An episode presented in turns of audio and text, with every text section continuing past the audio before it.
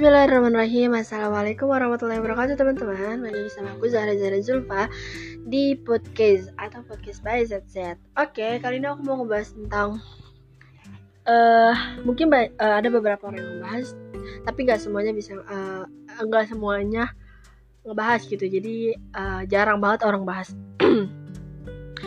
Yang mau aku bahas di sini adalah catcalling. Uh, Kalau kalian nanya catcalling itu apa sih? Jadi uh, ini tuh salah satu permasalahan yang wanita hadapi di luar sana gitu. Jadi, catcalling ini tuh adalah salah satu bentuk dari sexual harassment. Sexual harassment adalah pelecehan seksual. Jadi, uh, catcalling ini adalah uh, termasuk dalam sexual harassment yang paling rendah karena uh, dia adalah pelecehan, pelecehan seksualnya dengan verbal, bukan seperti sexual harassment yang tinggi gitu sampai sampai terjadi uh, perkosaan dan yang tidak diinginkan lah. Nah, uh, jadi kalau sampai sini mungkin kalian pernah ngerasain?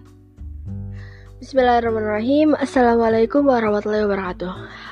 Teman-teman um, balik lagi sama aku Zahra Zahra Zulfa Di podcast atau podcast by ZZ Oke, okay, di podcast kali ini aku pengen ngebahas tentang uh, permasalahan yang wanita hadapi. Bukan wanita doang sih, uh, laki-laki juga bisa menghadapi ini. Jadi yang mau aku bahas kali ini tuh jarang banget orang bahas dan mungkin ada yang ngebahas tapi jarang lah kata. Yang mau aku bahas adalah catcalling. Apa sih itu catcalling? Uh, sebelumnya aku mau dulu kalian pernah sih ngerasa ketika kalian lagi di jalan atau kalian uh, melewati kerumunan teman-teman kalian yang cowok terus kalian dibilang disuil-suilin atau assalamualaikum neng mau ke mana atau uh, fit ya seperti itulah celocehan-celocehan bagi mereka itu sebenarnya adalah salah satu bentuk sexual harassment. Sexual harassment ini adalah pelecehan seksual. Jadi catcalling ini termasuk dalam sexual harassment yang paling tingkat rendah, yaitu pelecehan seksual melalui verbal. Nah, uh, mungkin catcalling ini banyak dirasakan sama orang uh, di luar sana, tapi ada yang tahu, ada yang enggak. Jadi mungkin kalau misalnya dia tahu, biasanya uh, banyak faktor-faktor yang terjadi di diri dia misalkan uh, dia tuh ngerasa ada yang terambil dari dia sendiri terutama pasti takut cemas terus gelisah dari beberapa yang aku rasain dan juga teman-teman aku ketika aku nanya ke mereka ya. nah, uh, maka dari itu ketika kalian mempunyai teman cowok atau apa pun itulah uh, kalian bilangin gitu kalau misalnya eh mau ke mana nih? gini gini nah itu tuh bilangin itu adalah salah satu uh, kegiatan. Bukan kegiatan sih salah satu uh, ini. Aduh apa ya namanya? Masuknya dalam ke sexual harassment itu gitu. Bilangin baik-baik. Lalu bagaimana nih? Misalkan kita punya teman yang merasakan itu dia nggak mau cerita dia dia merasa terbebani dia merasa diri dia tuh udah uh, udah nggak udah nggak ini gitu. Padahal kan ini cuman verbal doang gitu kan. Ya nggak padahal nggak cuan doang gitu. Ini juga sebenarnya uh, kita ngerasa nggak nyaman gitu kan diliatin terus kita digodain kan istilahnya. Nah, jadi pernah ada cerita waktu aku dulu waktu SMP, uh, eh, aku main ke rumah teman aku itu bereneman lah. Terus kita di jalan ceritanya ketemu abang-abang kuli kuli bangunan gitu. Terus kita dibilang assalamualaikum eh neng neng cantik mau pada ke mana? Gitu. Terus teman-teman aku tuh kayak iya waalaikumsalam kayak gitu. Terus ya namanya juga anak santri kan kita ada dulu tuh kita nggak tahu ya. Cuman di situ aku kayak udah ngerasa nggak nggak banget gitu nggak mau gitu. Kayak apaan sih? Kayak gitu loh kan kita nggak kenal buat apa gitu kita nyapa nyapaan kayak gitu kan. Kalau menurut aku gitu dan cara nyapanya juga dia bukan seperti orang nyapa gitu tapi seperti kayak orang menggoda gitu. Terus teman aku ngomong e, Waalaikumsalam kan terus mau ke mana neng? katanya. Ini pak ke rumah ini. Terus itu aku cuma diem doang. Kita sambil jalan sih cuman uh, ya nyautin aja gitu. Sampai di rumah uh, cerita dah ke orang salah satu orang tuanya temen aku ini. Terus kata orang tuanya Ih bagus dong digodain berarti uh, dari kalian ada yang menarik. Aku di situ kayak speechless. Maksudnya apa? Kenapa bagus? Padahal uh, ini tuh nggak baik gitu loh buat kepribadian. Mungkin ada orang yang menganggap itu suatu hal yang sepele tapi nggak nggak semuanya gitu. Ketika orang itu tahu itu adalah sebuah pelecehan seksual dia bukan menganggap itu suatu hal sepele lagi. Bahkan itu adalah suatu hal yang uh, harus diberantas gitu. Nah terus uh, ini terjadinya sampai cewek doang. Enggak kok ini juga terjadi sama cowok. Kalian pernah gak sih kayak misalnya kalian tuh mengidolakan uh, bukan apa-apa sih. Misalnya kayak Hafiz deh seorang Hafiz muda misalkan. Tagi Malik atau siapalah terus kalian kayak komen-komennya oh, my my Assalamualaikum calon imam kuda segala macam. Nah itu tuh juga salah satu bentuk uh, seksual harassment ini gitu. Tapi dia tuh secara secara online gitu. Nah gimana sih teman-teman caranya kita itu bisa mengurangi uh, atau uh, memina, meminimalisir catcalling ini gitu. Terus teman aku pernah nanya gini percuma aja walaupun kita uh, nggak nggak salah salah. Jadi gini cara meminimalisir itu adalah dengan kita berpakaian yang sesuai dengan syariat agama tentunya kan uh, terus yang kedua kita harus tahu mana batasan kita gitu batasan uh, bercampur baur kita seperti apa. Lalu gimana kalau misalnya kita di tempat umum misalkan kita di kereta. Nah, di kereta itu kan ada gerbong perempuan dan ada gerbong laki-laki kan. Ya sebisa mungkin kita naikkan ke gerbong perempuan biar kita aman. Terus kalau misalnya gerbang perempuan penuh kita harus tunggu gitu sampai kosong. Nggak juga. Ya salah satunya yaitu kita harus minta pertolongan sama Allah. Kita sebelum masuk gerbang laki-laki kita minta pertolongan. Jadi aku juga kayak ngerasa kalau misalnya aku di gerbang laki-laki aku nggak aman gitu karena aku pernah uh, sesempit sempitnya di gerbong perempuan itu akan lebih nyaman daripada ketika kamu berangkat pagi itu kan pasti penuh ya. Terus itu tuh bakal uh, dempet-dempetan itu sama laki-laki tuh itu bener-bener gak nyaman banget. Kayak kita merasa ter, terintimidasi gitu. Padahal ya kita tahu gitu uh, di samping belakang kita nggak ngapa-ngapain. Cuman kita ngerasa nggak tenang aja. Kita kan nggak tahu yang akan terjadi saat apa yang akan terjadi itu di saat itu juga kita nggak akan tahu gitu. Ya kecuali kita minta pertolongan Allah seperti itu teman-teman terus teman aku ada yang nanya gini ah sama aja kok kita udah pakaian syari tapi kita tetap digodain kita tetap di assalamualaikum ustazah segala macam. Ya udah kita mau seperti apa gitu. Yang penting kita udah uh, menaati peraturan Allah dan kita minta perlindungan. Ketika kita udah minta perlindungan ya insya Allah gitu Allah akan jaga. Makanya jangan sampai uh, mungkin dari kita berhijab atau kita berpakaian syari tapi kita menor make upnya. Mungkin itu akan lebih ter dilihat gitu. Jadi orang-orang tertarik untuk uh, menggodainya atau memujinya seperti itu teman-teman. Makanya kenapa di dalam Islam juga dikatakan tidak boleh berlebihan dalam uh, berdandan gitu karena itu adalah nah mungkin itu aja teman-teman yang bisa aku sampaikan. Ya kurang lebihnya mohon maaf bila ada kata-kata yang salah itu datang dari aku dan jika ada yang benarnya itu adalah datang juga dari Allah Subhanahu Wa Taala. Karena kebenaran itu ya cuman Allah yang punya gitu. Uh, mungkin buat kalian yang suka sama podcast ini kalian bisa nih kayak kasih saran mau mau bahas apa seperti itu teman terima kasih wassalamualaikum warahmatullahi wabarakatuh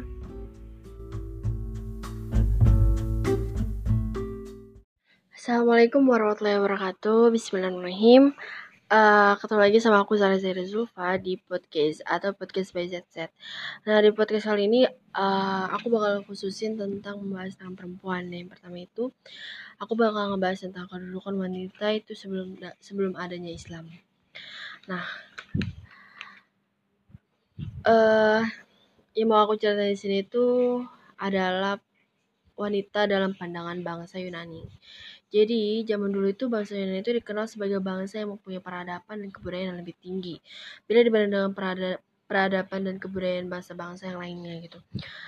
Akan tetapi, kalau kita cermati nih, pada permulaan kemunculan mereka di panggung sejarah, kita akan menemukan bahwa wanita dalam masyarakat Yunani ini berada di puncak kemerosotan dalam segala aspek kehidupan pastinya. Misalkan dari sistem sosial masyarakat saat itu, kaum wanita itu sama sekali tidak memiliki kedudukan yang yang bagus atau posisi yang layak gitu. Bahkan kaum laki-laki mempunyai kepercayaan bahwa wanita adalah sumber segala penyakit dan bencana dan mereka dianggap sebagai makhluk yang paling rendah. Jadi pada zaman itu wanita itu berada pada derajat yang sangat rendah. Sampai-sampai kaum laki-laki itu tidak mau berada di satu meja makan bersama kaum wanita. Masya Allah. Ternyata serem banget ya. Lalu mak uh, kaum wanita ini tak ubah, maksudnya kayak nggak ada bedanya dengan budak atau pelayan gitu. Seiring perjalannya waktu atau seiring berjalan waktu, uh, pandangan bangsa Yunani ini terhadap wanita ini mengalami perubahan. Dorongan syahwat atau nafsunya yang biasa yang kayak binatang itu telah mendorong mereka untuk memberinya kebebasan pada kaum wanita. Akan tetapi, Ternyata kebebasan yang mereka berikan hanyalah kebebasan dalam hal seksual semata. Mereka memberikan kebebasan yang lain atau mereka memberikan kebebasan yang seluas-luasnya dalam hal kayak menjadi pelacur atau wanita pelacur dan pezina pada saat itu dianggap memiliki kedudukan yang paling tinggi. Nauzubillah. Bayangkan kalau misalkan eh aku nggak bisa bayangin sih. Lalu para pemimpin Yunani saat itu ramai-ramai mendatangi dan mendekati mereka. Bahkan mereka sampai merekayasa cerita-cerita yang bernuansa seksual gitu. Jadi di antara cerita yang direkayasa itu adalah kayak misalnya mereka itu menganggap bahwa Dewa Kupit adalah dewa asrama, eh asma, asrama, asmara. Terus atau enggak menurut mereka itu uh, Cupid adalah hasil hubungan gelap Afro, uh, Aphrodite. Ini tuh kayak ini loh apa namanya dewa-dewa gitu kan kalau di Yunani itu kan terkenal dengan dewa-dewa gitu kan. Padahal salah satu istrinya itu adalah dari Tuhan, salah dari saat salah satu Tuhan gitu. Pokoknya uh, gimana ya? Di di inilah direkayasa gitulah. Lalu dari cerita-cerita rekayasa inilah akhirnya masyarakat Yunani ini tidak peduli lagi atau tidak menghormati norma pernikahan. Karena wanita menurut pandangan mereka itu hanyalah komoditas yang tidak berharga dan tidak dikuasai oleh siapa pun. Ya Allah sedih banget ya kalau kita bayangin bagaimana di sini tuh berarti posisinya itu dia itu tidak punya tidak berharga bahkan ya. Bahkan laki-laki mana pun boleh memilikinya tanpa perlu adanya akad nikah, ya Allah. Demikianlah sejarah. Jadi itu adalah uh, sejarah yang bisa disampaikan. Bagaimana sih pandangan wanita dalam bangsa Yunani Mungkin segitu yang bisa aku sampaikan. Terima kasih. Wassalamualaikum warahmatullahi wabarakatuh. Kalau kalian suka dengan cerita-cerita tentang wanita atau tentang muslimah, kalian bisa terus dengerin podcast aku. Terima kasih. Assalamualaikum warahmatullahi wabarakatuh. Bismillahirrahmanirrahim. Uh, selamat datang di podcast ZZ dengan saya Zara Zara Zulfa. Dan di podcast kali ini aku pengen lanjutin pembahasan atau sejarah yang sebelumnya yaitu sekarang itu aku mau bahas tentang wanita dalam pandangan bangsa Romawi. Kalau sebelumnya itu wanita dalam pandangan bangsa Yunani gitu pada masanya. Nah, yang aku mau bahas ini uh, kita masih kita masih mengupas sejarah-sejarah uh, wanita atau perempuan pada masa-masa yang di mana belum uh, Allah berikan sebenarnya Allah ya apa sih Bismillahirrahmanirrahim Assalamualaikum warahmatullahi wabarakatuh uh, balik lagi sama aku Zara Zara Zulfa di podcast atau podcast BZZ. Nah di podcast kali ini aku mau ngebahas tentang yang sama yaitu tentang sejarah wanita. Namun ini berbeda gitu. Jadi sebelumnya itu pandangan wanita dalam sejarah bangsa Yunani. Sekarang aku mau ngebahas wanita dalam pandangan bangsa Romawi pada masa itu. Nah, kita langsung mulai aja Jadi, pada zaman itu, pada zaman dulu itu bangsa Romawi itu dianggap sebagai bangsa yang paling maju setelah Yunani. Namun, uh, kita ketahui bahwa undang-undang undang-undang dan sistem sosial mereka ini ternyata sangat menzolimi, mengucilkan dan menindas kaum wanitanya. Di kalangan mereka yang sangat terkenal syair seperti kayak belenggu wanita tidak bisa dicabut dan kebebasan mereka tidak bisa dilepas. Itu syair yang terkenal di bangsa Romawi pada masa itu. Artinya, kaum laki-laki dalam bangsa Romawi ini, eh masyarakat Romawi ini mempunyai hak mutlak terhadap keluarganya, layaknya seorang seorang raja kepada rakyatnya gitu. Dia bebas memperlakukan istrinya semaunya, bahkan dalam keadaan tertentu ia boleh membunuh istrinya. Nauzubillah. Lalu ketika peradaban dan kebudayaan bangsa Romawi ini mulai berkembang, penindasan mulai berkurang. Namun, pelecehan terhadap mereka masih berlangsung dan mereka tetap memperlakukan wanita bagaikan pelayan. Lalu kaum wanita ini hanya dianggap sebagai pemuas nafsu syahwat laki-laki. Pada akhirnya dari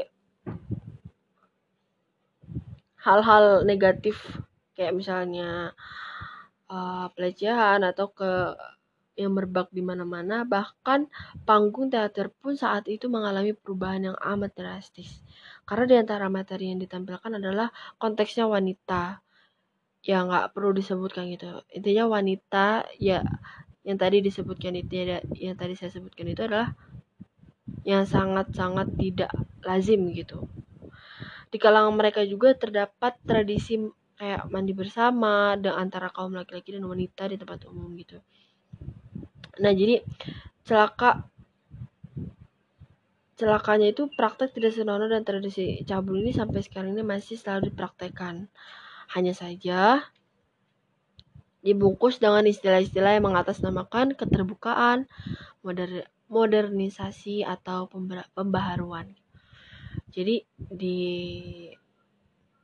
Terus mereka juga bias dia mereka juga punya tradisi mula, mudah bercerai meskipun sebabnya itu kayak hal-hal yang sepele gitu loh. Jadi kayak uh, mungkin bisa marahan kayak biasa aja tapi bisa mudah bercerai sehingga angka-angka perceraian yang di kalangan mereka itu begitu tinggi gitu. Bahkan karena begitu merebak angka perceraian, hal ini membuat para wanita mereka mudah berganti-ganti pasangan tanpa rasa dosa atau rasa malunya. Jadi yang ini tuh yang paling diherankan adalah sebagaimana yang diungkapkan oleh Kardinal Gerum bahwa ada wanita yang kawin untuk ke-23 kalinya dan pada saat bersama ia adalah istri ke-21 dari suaminya yang terakhir. Wow. Jadi kemerosotan ahlak inilah yang akhirnya benar-benar menghancurkan bangsa Romawi. Jadi yang sebagaimana yang dilakukan oleh bangsa Yunani sebelumnya. Semua ini tidak lain itu karena yang mereka tenggelam dalam syahwat kebinatangan yang mereka tidak lagi dilakukan oleh binatang gitu. Jadi salah satu cerita atau kisah uh, bagaimana wanita itu dipandang dalam bangsa Romawi pada saat itu. Mungkin bisa, itu aja yang bisa aku sampaikan. Terima kasih. Wassalamualaikum warahmatullahi wabarakatuh. Bismillahirrahmanirrahim Assalamualaikum warahmatullahi wabarakatuh Balik lagi sama aku Zara Zara Zulfa Di podcast by ZZ di, di podcast kali ini Aku mau uh, lanjutin ceritanya Atau uh, cerita Bukan cerita sih Kayak mengenal sejarah Mengenal Bukan mengenang Mengenal sejarah wanita pada pada masa-masa tertentu. Nah, kemarin itu udah Yunani dan Romawi. Sekarang aku mau membahas tentang wanita dalam struktur masyarakat Persia. Yuk kita lanjut. Jadi, Persia ini adalah salah satu koloni yang mempunyai otoritas dalam membentuk perundang-undangan dan sistem sosial di berbagai negara jajahannya. Namun, undang-undang itu uh, lalim dan menindas hak-hak wanita. Zolim, bukan lalim. Zolim. Jadi mereka memperlakukan hukumnya, hukumannya itu yang berat itu bagi wanita gitu. Sekalipun hanya untuk kesalahan kecil, misalkan sedang di lain pihak maksudnya Sel sedangkan kayak laki-laki itu memiliki kebebasan yang tanpa batas gitu. Jadi dalam pandangan bangsa Persia ini, hukuman hanya berlaku bagi wanita. Bahkan apabila seseorang wanita, seorang wanita mengulangi kesalahannya, ia harus dihukum mati pada masa itu. Di negeri Persia misalnya, seorang wanita dilarang kawin dengan laki-laki yang bukan penganut ajaran Zoroaster gitu. Sehingga laki-laki ini mempunyai kebebasan dalam bertindak sesuai kehendaknya sebab laki-laki adalah raja pada masa itu. Hidup wanita sangat terbelenggu, bahkan ketika haid mereka harus diisolasikan ke tempat yang jauh di luar kota dan tidak seorang pun boleh bergaul bergaul dengannya gitu.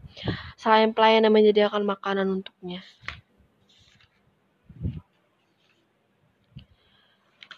Jadi uh, masya Allah banget ya kalau kita lihat tuh ya bukan kita harus benar-benar bersyukur. Kenapa sih kita harus bersyukur gitu? Islam tuh hadir gitu. Ternyata, ternyata ya mereka sebelum adanya Islam pun mereka gak gak di bukan gak dianggap ya gak dianggap hak-haknya gak ada gitu. Ya itu jadi kejamnya masyarakat Persia pada waktu itu kepada kaum wanita. Terima kasih. Wassalamualaikum warahmatullahi wabarakatuh. Bismillahirrahmanirrahim. Assalamualaikum warahmatullahi wabarakatuh. Balik lagi sama aku Zara Zara Zulfa di podcast atau podcast by ZZ Di podcast kali ini aku masih sama membahas tentang sejarah kaum wanita. Uh, Mungkin yang baru datang di channel aku atau di podcast aku Kalian bisa dengar di podcast-podcast sebelumnya Yang ini berurutan ya yang dari Yunani, Romawi, Persia. Nah, baru ini yang keempat. Yang keempat ini aku bakal ngebahas tentang wanita dalam struktur masyarakat Cina pada zaman itu ya. Jadi, masyarakat Cina itu zaman dulu secara umumnya adalah masyarakat yang pendudukannya hidup dalam kekacauan dan kebiadaban. Jadi kehidupan mereka itu nyaris seperti kehidupan yang liar tanpa norma serta jauh dari pola kehidupan manusia yang semestinya. Mereka itu saling berpasangan tanpa aturan dan rasa malu. Jadi anak-anaknya hanya mengenal ibu-ibu mereka tanpa mengenal siapa ayah mereka. Zaman itu. Ya istilahnya kayak ya ditinggal gitu kalau sekarang ya. Kayak nggak bertanggung jawab. Lalu, bagi para wanita itu zaman itu tuh kayak nggak ada pilihan lain. Ya selain harus melaksanakan perintah tanpa boleh menyanggah atau membantah. Jadi misalkan si laki-lakinya nggak mau dibantah. Jadi si, si perempuan ini se seorang perempuan ini nggak bisa nggak bisa ngapa-ngapain gitu ya harus menurutnya aturannya Nah, dalam masyarakat Cina zaman dulu ini, hanya kaum lelaki yang memiliki peranan dalam menentukan arah ke mana peradaban berjalan. Padahal dalam Islam berbeda ya. Kalau misalnya Islam itu, e, bangsa itu akan berkembang bagaimana dengan peradaban kaum wanitanya. Bener sih? Kalau ada yang salah, kalian bisa benerin. Lalu, kaum wanita ini sama sekali tidak punya hak waris. Begitu pula jika seorang ayah meninggal, tidak ada hak bagi anak perempuan untuk mendapatkan harta warisannya. Jadi mereka itu menganggap kalau wanita ini sebagai makhluk yang rendah yang hanya akan merusak kebahagiaan dan kekayaan. Nah, itu adalah salah satu gambaran bagaimana sih masyarakat Cina zaman dulu struktural masyarakat Cina itu uh, memenung wanita seperti apa? Seperti itu gambarannya. Mungkin itu aja yang bisa aku sampaikan. Terima kasih. Mohon maaf bila ada kata-kata yang kurang pas atau yang salah ya karena kesalahan dari dari saya dan kebenaran hanya dari Allah Subhanahu wa taala. Terima kasih. Wassalamualaikum warahmatullahi wabarakatuh. Bismillahirrahmanirrahim. Assalamualaikum warahmatullahi wabarakatuh. Balik lagi di podcast That's it. Buat kalian yang baru datang di podcast aku, kenalin nama aku Zara Zaira Zulfa. Uh, biasanya aku ngebahas tentang seputar Islam. Atau bisa juga sih seni mungkin. Tapi nggak terlalu sering. Oke kita lanjut aja. Jadi ini adalah podcast uh, series yang aku buat dari awal episodenya episode tentang perempuan. Kalian bisa lihat dari awal itu ada tentang uh, sejarah-sejarah perempuan zaman dulu gitu. Nah yang sekarang ini kita masuk pada uh, sejarah wanita dalam struktur masyarakat India. Jadi kita langsung aja ya nggak usah basi-basi kawan. Kedudukan wanita itu dalam struktur zamannya struktur masyarakat India ya tidak lebih baik gitu daripada kedudukan wanita dalam pandangan kayak bangsa Yunani yang pernah aku bahas waktu itu atau Romawi atau Persia maupun Cina gitu. Ya walaupun bangsa India ini sejak dulu dikenal dengan kemajuan ilmu dan peradabannya, tapi wanita dalam struktur masyarakat India ini tetap saja diperlakukan sebagai budak dan laki-laki sebagai tuannya. Sehingga pada saat yang bersamaan, seorang wanita tetap menjadi anak milik bapaknya, istri milik suaminya, dan terhadap anak-anaknya, soalnya dia sebagai janda gitu. Jadi pada umumnya masyarakat India ini mempunyai kepercayaan bahwa wanita adalah sumber dosa, sumber kerusakan akhlak, dan pangkal kehancuran jiwa. Oleh karena itu, mereka melarang wanita mempunyai hak-hak kebendaan atau semacam warisan kayak gitu. Bahkan, wanita pada saat itu tuh tidak mempunyai hak hidup setelah kematian suaminya. Jadi, misalnya setiap wanita ini harus ikut dibakar hidup-hidup bersama mayat suaminya di atas kobaran api yang sama. Misalkan kita kawin, iya sih, ini tradisi ini kayaknya masih ada di sampai sekarang jadi misalnya kita kawin terus eh bukan kawin menikah suami kita meninggal dulu, duluan. Dan kita tuh gak punya hak untuk hidup. Jadi kita harus ikut dibakar hidup-hidup dengan suami kita. Kan beda ya kalau suaminya kan mati ya emang emang maksudnya meninggal ya emang udah meninggal gitu. Beda lagi dengan keadaan kita yang masih hidup dan itu dibakar. Ya Allah aku tuh ngebayangin aja udah ya sedih banget sih.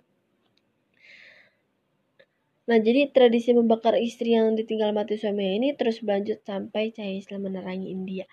Jadi, walaupun Islam udah menduduki India, tetap saja tradisi itu tuh masih ada gitu. Terutama pada masa kekuasaan seorang penguasa yang solih. Penguasa yang solih aja pun tetap tradisi itu tuh ada. Memang sih kalau tradisi itu emang sulit ya, karena kan kayak uh, ini apa ya kayak emang udah khas dari khasnya gitu khasnya negara itu atau dari emang kalau kepercayaan nenek moyangnya emang seperti itulah. Jadi penguasa yang solid penguasa penguasa penguasa yang solid itu adalah si unak zaib kalau zaib. Jadi si unak zaib ini berkata Kedatangan Islam ke India ini telah membebaskan wanita dari lumpur yang hitam dan menghancurkan tradisi biadab tersebut serta mengecamnya. Nah, mungkin itu aja bisa aku sampaikan. Terima kasih. Wassalamualaikum warahmatullahi wabarakatuh. Bismillahirrahmanirrahim. Assalamualaikum warahmatullahi wabarakatuh. Balik lagi sama aku Zahra Zahra Zulfa di podcast atau podcast by di, di podcast kali ini aku bakal ngejelasin sama dari sebelum-sebelumnya yaitu tentang series uh, tentang perempuan yang di mana ngebahas tentang sejarah-sejarah wanita pada zaman-zaman uh, sebelum adanya Islam gitu. Nah yang mau aku bahas sekarang adalah wanita dalam pandangan Yahudi. Jadi bangsa Yahudi ini memang memandang wanita ini sebagai makhluk yang hina dan rendah wanita ini dianggap sebagai barang dagangan yang bisa diperjualbelikan di pasar gitu layaknya uh, ya layaknya dagangan gitu jadi hak-hak yang hak-hak perempuan ini mereka rampas dan mereka tidak diperbolehkan menerima harta warisan yang berupa harta bergerak misalnya si perempuan ini mempunyai bapak bapaknya meninggal dan harta warisan itu yang bapaknya ini mempunyai harta warisan yang tidak bergerak itu tidak boleh di wariskan kepada anak perempuan ini. Jadi yang tidak bergerak ini misalkan seperti rumah, tanah, dan lain-lain. Tetapi, jika harta warisannya ini berupa kayak harta bergerak, anak wanita ini tidak dapat bagian apa-apa. Meskipun harta bergerak yang ditinggalkannya itu amat banyak. Jadi kalau misalkan dia uh, harta yang tidak bergeraknya itu tidak boleh diberi bagian tapi yang bergerak pun dia tidak bisa dapat jadi saking dia uh, wanita ini tuh dipandang hina dan rendah gitu nah kok bagi ya, terus misalnya nih jika si bapak ini tidak mempunyai anak laki-laki punyanya anak perempuan doang. Ya ahli waris ini dia bisa gitu. Eh harta warisannya itu bisa dikasih ke perempuan ini. Tapi selanjutnya si perempuan ini anak perempuan ini tidak boleh menikah dengan laki-laki dari suku lain. Dan nantinya bila si bila perempuan ini meninggal harta warisan tersebut juga tidak boleh diwariskan kepada suku lain. Jadi kayak nikahnya tuh ya satu suku Yahudi sama Yahudi kayak gitu. Nah, lalu bangsa Yahudi ini memandang wanita sebagai salah satu pintu jahanam. Ya Allah. Jadi wanitalah karena wanitalah yang menyebabkan laki-laki terjerumus dalam perbuatan dosa dan katanya wanitalah yang memicu yang menjadi pemicu timbulnya berbagai macam bencana yang menimpa seluruh manusia gitu. Jadi mereka itu zaman dulu tuh memandang para wanita itu adalah sebagai makhluk terkutuk. Ya yang tadi gitu, karena wanita lah uh, yang telah menyesatkan Adam. Istilahnya dia tuh kayak percaya kalau Hawa ini telah menyesatkan Adam sehingga tergelincir dari surga. Nah, ketika masa-masa haid ini wanita sama sekali tidak pernah didekati, tidak diajak makan bersama, dan bahkan dilarang menyentuh perabotan hingga haidnya selesai. Jadi mereka itu benar-benar diasingkan. Ini berarti uh, sama kayak sama kayak di podcast sebelumnya ada aku lupa jadi nggak bisa dideketin diasingkan lah ya terus tapi dia diasingkan ini tuh dalam sebuah kemah yang, makan eh yang mana makan sama minumnya itu untuknya itu cukup diletakkan di depan kemahnya. Jadi mereka diasingkan dalam kemah seperti ini sampai itu benar-benar berhenti gitu. Di kalangan bangsa Yahudi ini juga segala macam kemungkaran dan kemaksiatan juga merajalela gitu. Wanita diberi kebebasan hanya untuk menjadi pelacur. Dalam mempraktekkan pelacuran gitu, mereka membalunya dengan nuansa kesucian dan melakukannya di tempat-tempat ibadah dengan mengatakan bahwa hal itu termasuk upaya mendekatkan diri kepada Tuhan. Lalu kenyataannya ter kenyataan tersebut ini semakin jelas dengan bayangannya pendeta-pendeta Yahudi melakukan perzinahan dengan wanita pelacur uh, yang dalilnya itu pembebasan orang Yahudi dari dosa-dosa mereka gitu. Jadi dalam kitab suci yang telah mereka ubah itu yang dikatakan bahwa Allah itu mengharamkan atas orang Yahudi berbuat zina dengan wanita kerabatnya dan memperbolehkannya dengan wanita yang di luar kerabatnya. Jadi demikian dan rendah betapa rendah dan hinanya kaum wanita di kalangan bangsa Yahudi. Dari sini kita dapat merasakan gitu betapa besarnya nikmat dan rahmat bagaimana peng, penghormatan Islam terhadap kaum wanita ini gitu. Jadi Masya Allah banget gitu ya. Islam itu benar-benar menjaga gitu. Pokoknya nanti di akhir video kita bakal uh, di akhir video, di akhir series kita bakal uh, aku bakal kasih tahu pandangan-pandangan teman-teman aku dan lain-lainnya tentang bagaimana sih kalian merasakan sebuah perasaan menjadi seorang wanita di saat Islam uh, sudah berjaya atau di saat Islam itu sudah banyak lah bukan bukan bukan minim tapi udah maks maks udah banyak gitu.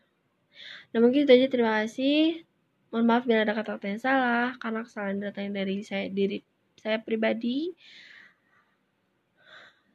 Wassalamualaikum warahmatullahi wabarakatuh.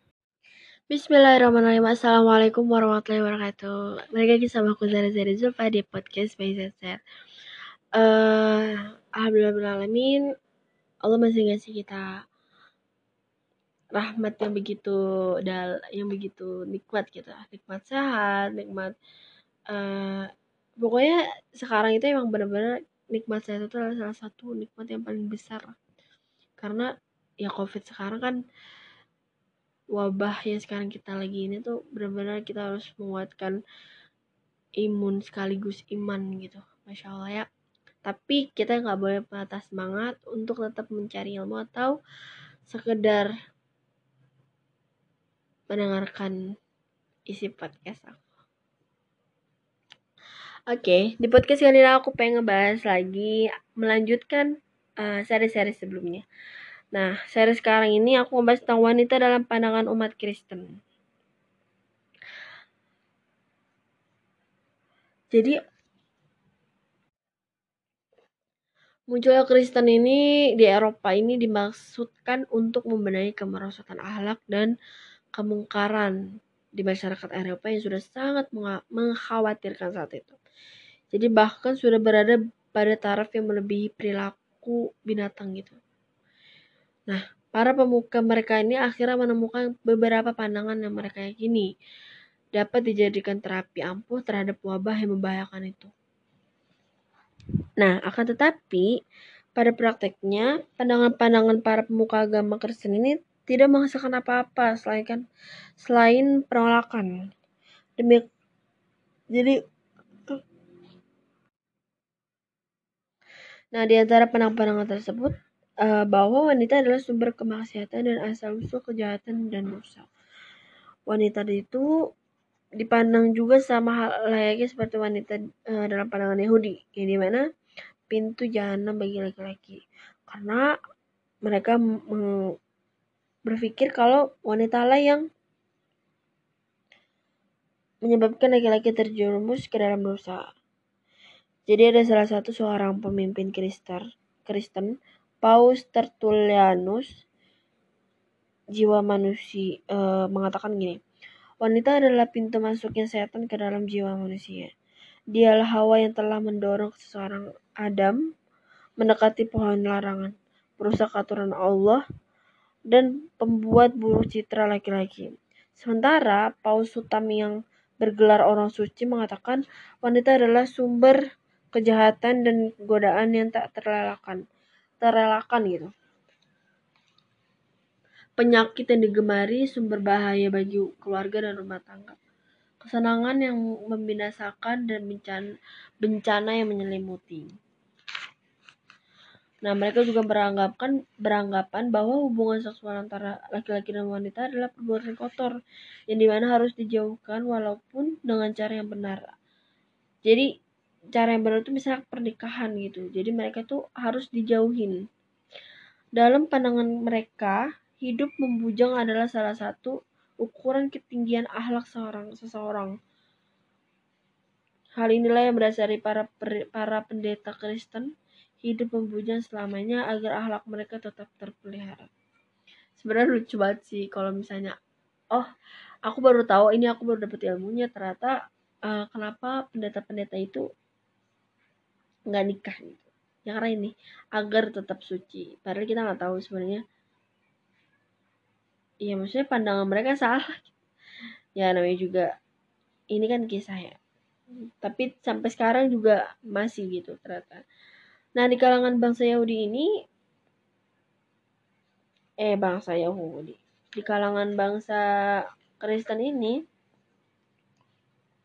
eh menemukan bahwa peraturan yang dibuat oleh dunia barat dengan berlandasan syariat agama uh, agama Nasrani ya yang telah diselewengkan tetap saja menempatkan wanita dalam posisi rendah dalam segala aspek kehidupan sebagai uh, hak warisnya dan tidak diperbolehkannya wanita untuk bekerja. Jadi bukti kontradiktifnya itu aturan mereka dengan fitrah manusia jelas tergambar ya pada apa yang ditulis oleh seseorang wanita Prancis yang bernama Armandine Lucial Aror. Jadi tulisannya ini mengatakan tidak boleh diterbit di, uh, eh bukan tulisan ini tuh tidak boleh diterbitkan sampai ia menikah dengan seorang laki-laki bernama Ray Jer San an, jadi sekitar tahun 1814 itulah apa yang ditulisnya dalam buku tersebut menunjukkan penghinaan terhadap kaum wanita dan pengingkaran. Jadi, kalau mau lebih jelasnya lagi, silahkan baca bukunya. sekalipun terjadinya permusuhan uh, maksudnya gini jadi dalam buku ini tuh dijelaskan gini bahwa perceraian tidak diperbolehkan dalam kondisinya kondisi apa pun gitu sekalipun terjadi permusuhan dan pertengkaran hebat antara suami dan istri nah kehidupan ini tuh kehidupan suami istri ini bagaikan neraka yang tidak mungkin dipertahankan. Padahal ini jelas-jelas faktor terbesar bagi hancur hancurnya sebuah keluarga dan bentuk pengkhianatan terbaik pernikahan. Jadi gitu guys. Jadi zaman dulu itu ternyata kaum Kristen umat Kristen ini tuh benar-benar kayak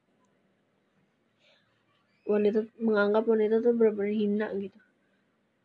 Sebenarnya dari tadi yang kalau misalnya kita lihat ya dari cerita-cerita sebelumnya mereka selalu melihat bagaimana uh, kisah kis kisahnya Nabi Adam dan Hawa gitu. Sehingga wanita diberlakukan seperti itu. Tapi sebenarnya bukan itu gitu. Bukan bukan itu yang dimaksud kayak salah paham gitu loh. Ya gitulah nah mungkin aja bisa aku sampaikan. Terima kasih. Wassalamualaikum warahmatullahi wabarakatuh.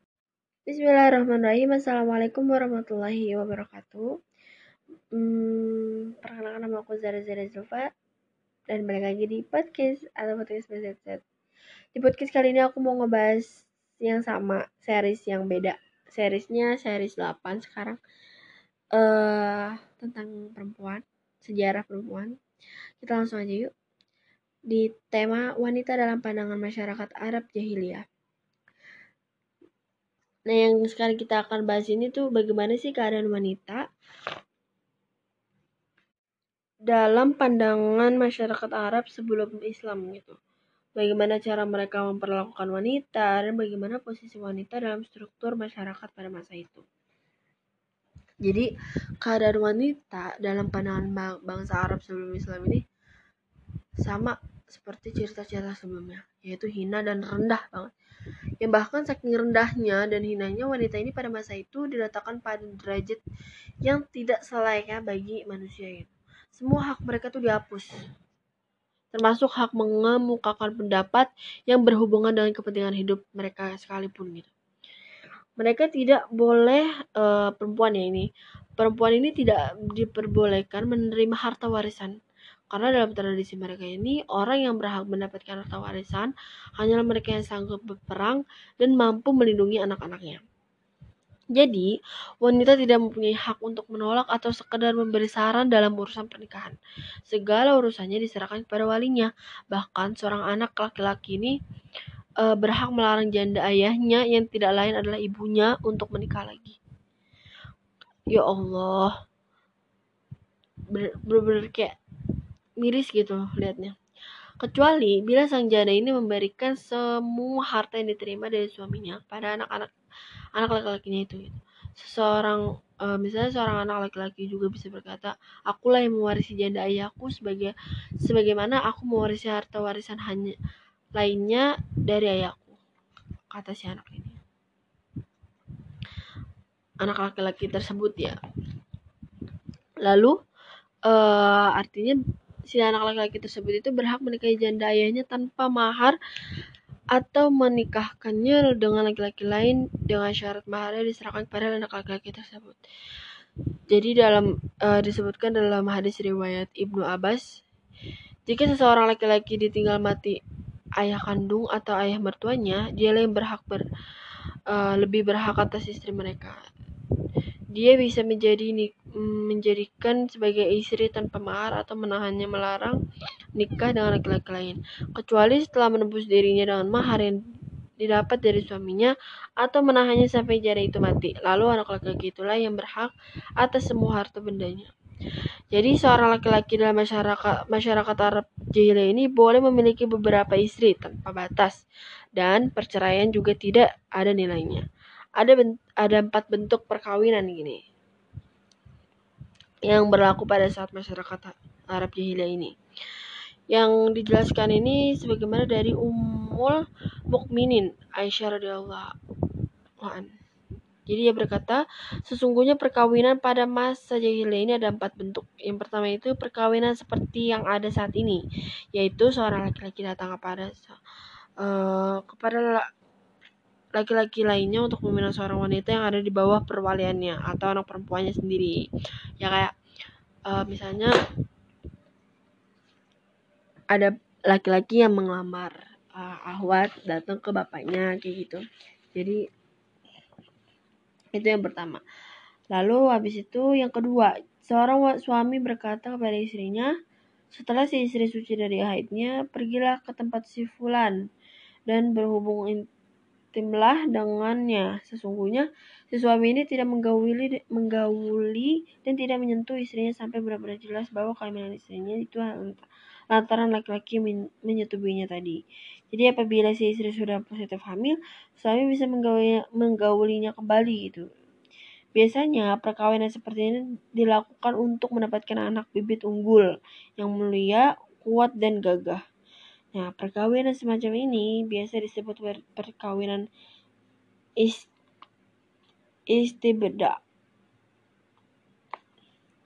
Lalu yang perkawinan ketiga ini adalah sekelompok laki-laki yang jumlahnya di bawah 10 orang berkumpul. Kemudian secara bergiliran mereka melakukan persetubuhan dengan seorang wanita. Apabila wanita itu hamil dan melahirkan, maka setelah lewat beberapa hari dari persalinan, perempuan itu memanggil semua laki-laki yang telah menyetubuhinya tanpa ada seorang pun dari mereka yang boleh menolak. Jadi kayak uh, nanti si perempuan itu mengatakan gitu, Kalian semua sudah tahu apa yang terjadi dan anak itu telah lahir. Maka ini adalah anakmu wahai fulan. Nah, dia si perempuan ini tuh tinggal nyebut si laki-laki ini dan uh, yang menjadi ayahnya. Gitu. Lalu yang keempat uh, dan si laki-laki ini tidak boleh menolak gitu. Yang keempat ini adalah si kelompok laki-laki dan jumlah dengan jumlah besar berkumpul. Budia mendatangi wanita yang tidak men pernah menolak siapa pun yang mendatanginya. Mereka adalah pelacur. Mereka biasanya memasang bendera di pintu kamarnya sebagai tanda siapa pun yang ingin ia dapat menidurinya wanita-wanita itu. Jika salah satu di antara mereka hamil lalu melahirkan, mereka semua berkumpul, kemudian dipanggillah seorang dukun ahli nasab. Selanjutnya mereka menisbatkan bayi itu kepada seorang laki-laki berdasarkan pernyataan si dukun dan bayi itu pun dianggap sebagai anaknya. Jadi laki-laki itu tidak boleh menolaknya. Sama hal seperti dari yang ketiga.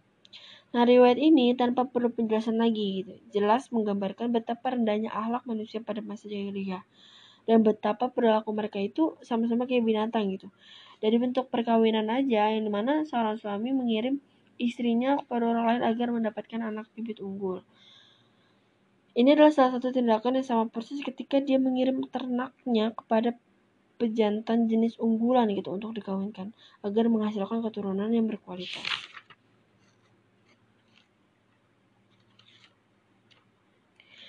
Demikian juga halnya membentuk pernikahan yang mana beberapa lelaki di bawah 10 orang ini mendatangi seorang wanita secara bersamaan gitu. Kemudian mereka semuanya menyetujui setelah melahirkannya itu wanita bebas memilih seorang ayahnya dari anak tersebut. Dan sebagai itu seorang laki-laki Arab juga pada masa jahili ini, bila diberi kabar bahwa istrinya telah melahirkan anak perempuan, seketika itu merah padamlah wajahnya karena menahan marah, sedih, dan malu. Seakan sebuah malapetaka besar yang menimpa dirinya gitu. Jadi dalam Al-Quran telah menggambarkan tradisi bangsa Arab jahiliyah yang amat buruk, itu pada ayat berikut. Pada ayat An-Nahl, surat An-Nahl ayat 58 sampai 59 yang di mana disebutkan dan apabila seorang dari mereka diberi kabar dengan kelahiran anak perempuannya mereka merah padam mukanya dan dia sangat menahan marah sedih dan malu. Ia lalu menyembunyikan diri dari banyak orang lantaran buruknya berita yang disampaikannya tidak pilihan lain baginya selain tetap memeliharanya dengan menanggung kehinaan dan menguburnya dan atau menguburkannya hidup-hidup. Ketahuilah betapa buruknya keputusan yang mereka ambil itu. Sedih miris. Jadi itulah salah satu tradisi Arab jahiliyah yang sangat sadis ya kalau kita pikirin. Yang bisa mengubur anak hidup-hidup perilaku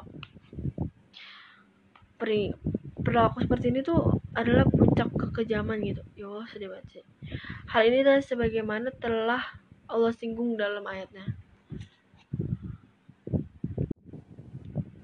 Surat At-Takwir ayat 89. Apabila bayi-bayi perempuan yang dikubur hidup-hidup itu ditanya karena dosa, apakah karena dosa apakah mereka dibunuh?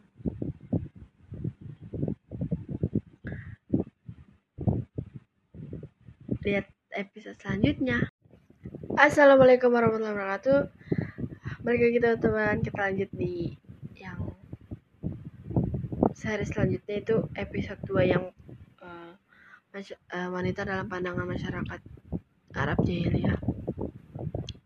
Nah, jadi bahasa Arab jahiliyah ini mempunyai alasan dan motivasi yang berbeda-beda gitu dalam soal penguburan anak perempuan yang kita bahas di sebelumnya. Jadi ada yang melakukannya lantaran ingin menjaga lantaran ingin menjaga kehormatannya atau khawatir bila sampai tertimpa aib gitu. Karena mereka adalah kaum yang gemar berperang dan melakukan penyerangan. Jadi jika mereka tetap memelihara anak perempuan, hal itu sangat memungkinkan nantinya anak perempuan mereka akan menjadi tawanan musuh gitu. Jadi kayak uh, kan wanita di sini kan tidak tidak punya harganya gitu. Pas zaman Arab jahiliyah. Jadi lantaran mereka tuh takut kalau misalkan anaknya ini akan menjadi uh, tawanan musuh. Tawanan musuh ya bakal jadiin budak gitu. Lalu jika hal itu terjadi e, sampai terjadi, berarti hay, ayahnya telah tertimpa aib yang sangat memalukan e, seperti ban, e, Bani Tamim dan Kandah. Ini adalah merupakan kabilah yang paling terkenal dalam melakukan penguburan anak perempuan hidup-hidup gitu. Dengan alasan takut tertimpa aib. Lalu ada menurut sebagian riwayat ini kabilah yang pertama kali melakukan penguburan hidup ini terhadap anak perempuan ini adalah kabilah Ruba, Rubaiyah yang di mana kejadiannya itu bermula ketika suatu kabilah Arab menyerbu kabilah Rubaiyah dan melawan salah seorang anak perempuan memimpin mereka setelah terjadi kesepakatan damai, pemimpin mereka senantiasa uh, meminta supaya anak perempuannya dikembalikan. Anak perempuan itu pun diberikan pilihan apakah mau kembali pada ayahnya atau ingin tetap tinggal bersama orang yang menawannya. Ternyata anak perempuan itu pun lebih memilih tinggal bersama orang yang menawannya dan mengesampingkan bapaknya. Pemimpin mereka itu pun marah dan akhirnya memperlakukan undang-undang ada agar mengubur hidup-hidup setiap anak perempuan yang baru lahir. Mereka pun melaksanakan undang-undang tersebut karena khawatir jika kejadian yang serupa terulang lagi. Nah, lalu ada juga yang melakukan penguburan anak hidup-hidup ini karena kesulitan mencari rezeki atau karena miskin gitu. Jadi hal ini tuh disebutkan sebagaimana dalam had, uh, firman Allah surat Al-An'am ayat 151. Ini mana artinya, janganlah kalian membunuh anak-anak kalian karena takut kemiskinan. Kamilah yang akan memberi rezeki kepada kalian dan juga kepada mereka. Lalu ada juga surat Al-Isra ayat 31. Nah, kabilah lain ada juga yang melakukannya bukan karena alasan cemburu atau takut tertimpa aib, melainkan hanya karena anaknya cacat, seperti warna kulit hitam, pincang, lumpuh, atau sebab lainnya. Jadi dia mengubur hidup-hidup. Bahkan kadang-kadang ada juga penguburan anak perempuan hidup-hidup dilakukan maksudnya penguburan hidup-hidup ya dilakukan dengan cara yang lebih kejam gitu dan lebih bengis lah. Yang hanya membuat hati merasa sedih dan mata jadi menangis gitu. Nah, jadi bentuk kezaliman yang amat parah ini masih saja menjadi kebiasaan yang menimpa perempuan tidak berdosa gitu. Anak perempuan lucu loh. Tapi dia uh, karena logika logika bapaknya yang jadi dia kena gitu. Dia kan gak punya dosa. Hal ini tidak lain karena faktor ketidakberdayaan perempuan yang dikubur itu adalah karena memang begitulah yang menjadi adat masyarakat waktu itu. Adat tersebut baru ya setelah Islam datang, karena Islam memang mengharamkan dan mengancam perbuatan tersebut.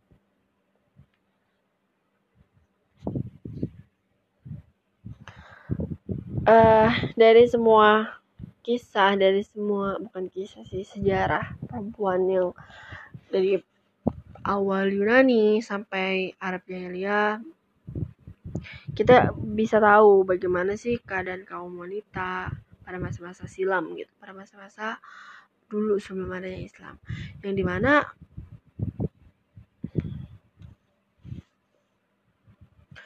uh, banyak gitu kebanyakan bangsa-bangsa yang sudah dipaparkan kayak wanita ditempatkan pada posisi yang rendah dan hina dan sebaliknya gitu di mata bangsa Arab. Jahiliyah wanita dianggap sebagai komoditas yang diperjualbelikan dan tidak mempunyai hak sedikit pun untuk menolak perlakuan hidup yang sangat rendah.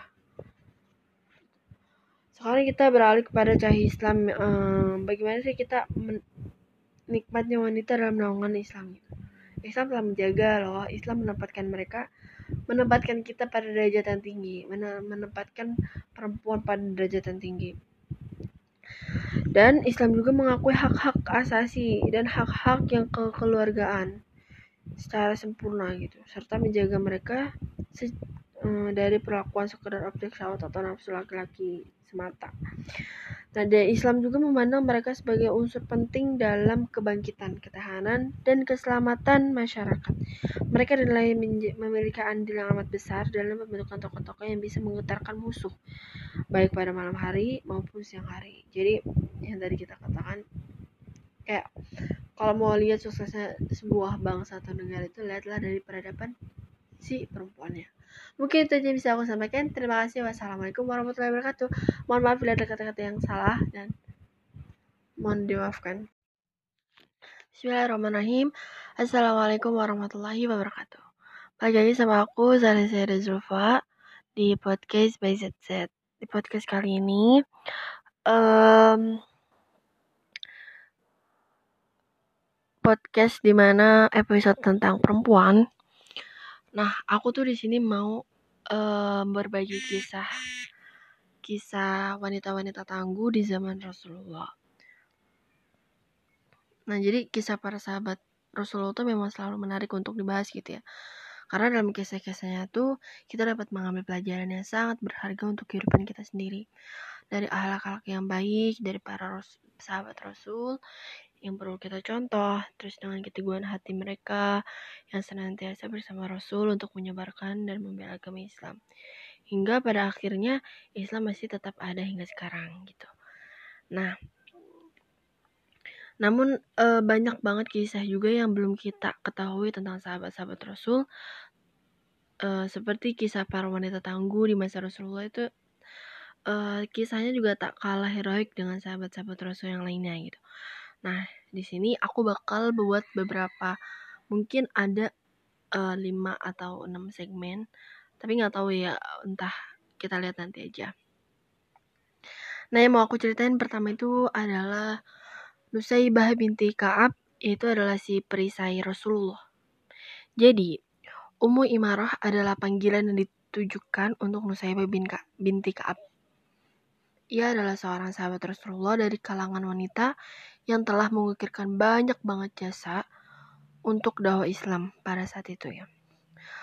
Nusaibah binti Ka'ab ini adalah wanita yang tangguh lagi pemberani. Ia itu uh, sebagai lambang keberan keberanian yang abadi gitu.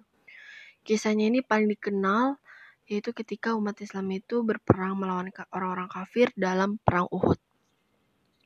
Pada saat itu Rasulullah ini tengah berdiri di puncak Uhud dan pada saat itu pula para pasukan musuh tengah mendekat ke arah Rasulullah untuk untuk menyerang beliau.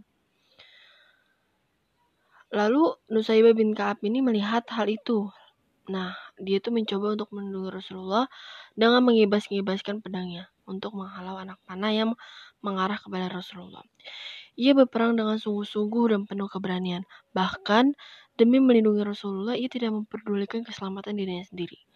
Meskipun pada saat itu ia menderita luka-luka di tubuhnya, namun ia tetap berusaha melindungi Rasulullah.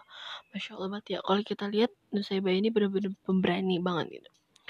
Lalu ketika melihat Nusaibah binti Kaab ini terluka, beliau berkata atau bersabda, beliau kemudian bersabda, Wahai Abdul Abdullah, Abdullah ini adalah putra Nusaibah. balutlah luka ibumu. Ya Allah, jadikanlah Nusaibah dan anaknya sebagai sahabatku di dalam surga. Lalu mendengar doa dari Rasulullah, semangatnya justru menjadi semakin bergejolak dan tidak lagi memperdulikan rasa rasa sakit dari tubuhnya gitu. Akibat luka tersebut dan terus berperang untuk membela agama Allah dan Rasulnya, Nusaibah berkata, Aku telah meninggalkan urusan duniawi. Akhirnya Nusaibah pun mengisahkan perjuangannya dalam pertempuran Uhud. Saya pergi ke Uhud dan melihat apa yang dilakukan orang pada saat itu. Saya membawa tempat air. Kemudian saya sampai kepada Rasulullah Shallallahu Alaihi Wasallam yang berdiri di tengah-tengah para sahabat. Ketika kaum muslimin mengalami kekalahan, saya melindungi Rasulullah Shallallahu Alaihi Wasallam. Kemudian ikut serta di dalam medan perang, pertempuran. Saya berusaha melindungi Rasulullah dengan pedang. Saya juga menggunakan panah sehingga akhirnya saya terluka. Nah, jadi Nusaibah ini adalah uh, merupakan wanita yang paling sabar. Ia selalu mementingkan kepentingan orang lain. Contohnya dari kesabarannya adalah ketika ia menerima kabar bahwa salah seorang putranya syahid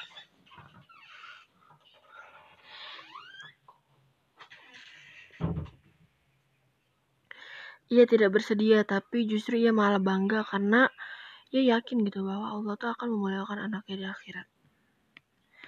Selain perang Uhud, Nusaibah bersama suami dan putra-putranya juga ikut dalam peristiwa Hudaybiyah, perang Khaybar, perang Hunain, dan perang Yamamah.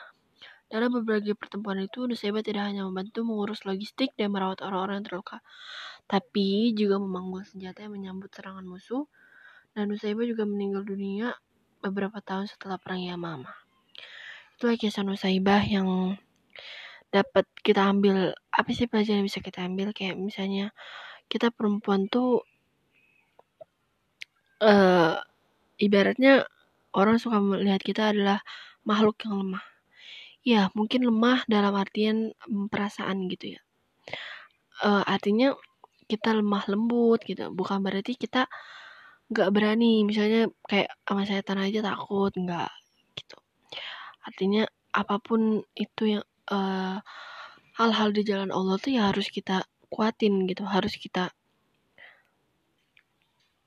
perjuangkan gitu karena ya sebagaimana sebagaimana Nusaibah itu mengajarkan kita tentang sebuah keriduan yang uh, mengharap keriduan dari Allah dan Rasulnya mungkin itu aja cerita yang hari ini bisa aku sampaikan Saksikan cerita-cerita yang lain dan selanjutnya yang bakal menarik dan seru juga. Terima kasih. Wassalamualaikum warahmatullahi wabarakatuh. Bismillahirrahmanirrahim. Assalamualaikum warahmatullahi wabarakatuh. Nah, uh, kali ini aku bakal ngebahas lagi tentang kisah inspirasi. Inspirasi. Oh iya, sebelumnya kita harus pembukaan dulu. Uh, buat teman-teman yang baru datang di podcast aku, perkenalkan nama aku Zara Zara Zulfa dan selamat datang di podcast atau podcast by ZZ. Nah ini tuh bakal banyak cerita tentang perempuan, entah itu tentang uh, pengalaman atau inspirasi dan sebagainya. Kalian bisa dengar di podcast ini. Oke kita mulai aja ya. Di podcast kali ini aku bakal ngebahas tentang Khawlah binti Azur, pedang Allah dari kalangan wanita. Nah kita tahu bahwa julukan ini tuh julukan pedang Allah ini adalah julukan untuk Khalid bin Walid namun, Khawla bin Azur juga memiliki julukan yang sama, yakni pedang Allah dari kalangan wanita. Jadi, Khawla bin Azur ini ia adalah salah satu sosok wanita tangguh dan pemberani. Jiwa dan raganya ia korbankan untuk membela Islam. Pada saat itu, kaum muslimin ini berhadapan dengan para pasukan Romawi. Ia pada pada mulanya hanyalah sebagai petugas medis dan pemasok logistik bagi para mujahidin-mujahidin yang lainnya. Namun, semangat jihadnya ini tuh tiba-tiba muncul setelah ia mendengar bahwa kakaknya yang bernama Dirora bin Azur telah ditawan oleh pasukan Romawi. Dengan penuh semangat, ia kemudian mengambil senjata dan menunggangi kuda untuk ikut berperang melawan pasukan Romawi. Pada saat itu, pasukan kaum muslimin yang dipimpin oleh Khalid bin Walid tengah dalam keadaan terdesak. Namun kemudian datanglah seseorang yang dengan gagah perkasa men menunggangi kuda dan menyergap pasukan-pasukan musuh dan membunuh mereka. Masya Allah keren banget ya. Pasukan kaum muslimin pun dibuat tercengang, tercengang dan penasaran gitu. Siapa yang datang gitu. Kemudian Panglima Khalid bin Walid mendekati orang misterius itu dan berkata, Demi Allah, yang telah melindungi seorang pejuang yang berani membela agamanya dan menentang kaum muslim, tolong buka wajahmu, kata uh, Khalid bin Walid. Namun karena masih banyak musuh yang harus dihadapi, Khalid tidak menjawab pertanyaan Khalid gitu. Kemudian Khalid bin Walid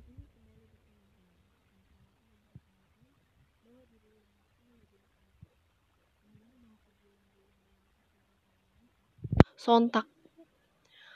Para mujahidin ini kembali terbakar semangatnya. Jadi untuk melawan, uh, untuk berperang melawan musuh-musuh Allah ini. Dengan hadirnya Khalid bin uh, Azur ini, akhirnya kaum muslimin pun mampu mengalahkan pasukan Romawi. Namun, nasib kakaknya yang belum jelas hingga pada akhirnya, setelah Romawi mengajak damai, Dirara ditawan di Homs karena telah membunuh anak raja dan banyak tentara Romawi. Ia kemudian ikut kembali ke medan perang untuk menyelamatkan kakaknya di ditawan itu. Gitu. Hingga pada akhirnya berkat pertolongan Allah kakaknya berhasil diselamatkan. Keberanian Khawla juga diuji ketika ia dan kawan-kawan muslimahnya menjadi tawanan pada saat perang sah Sahura.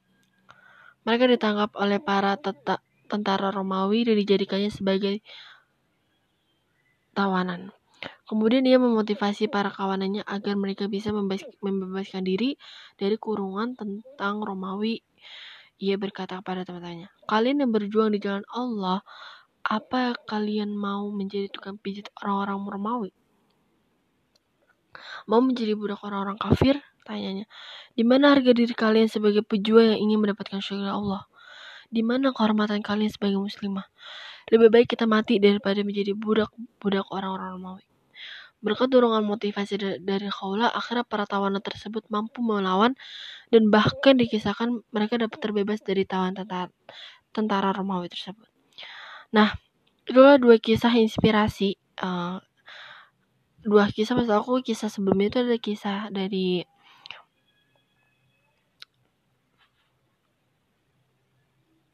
Nusaibah yang menginspirasi gitu. Jadi dari dua kisah ini tuh uh, seorang perempuan yang pemberani itu artinya kita nggak bisa. Nah, intinya kalau misalnya Islam misalnya Islam uh, keadaan Islam sedang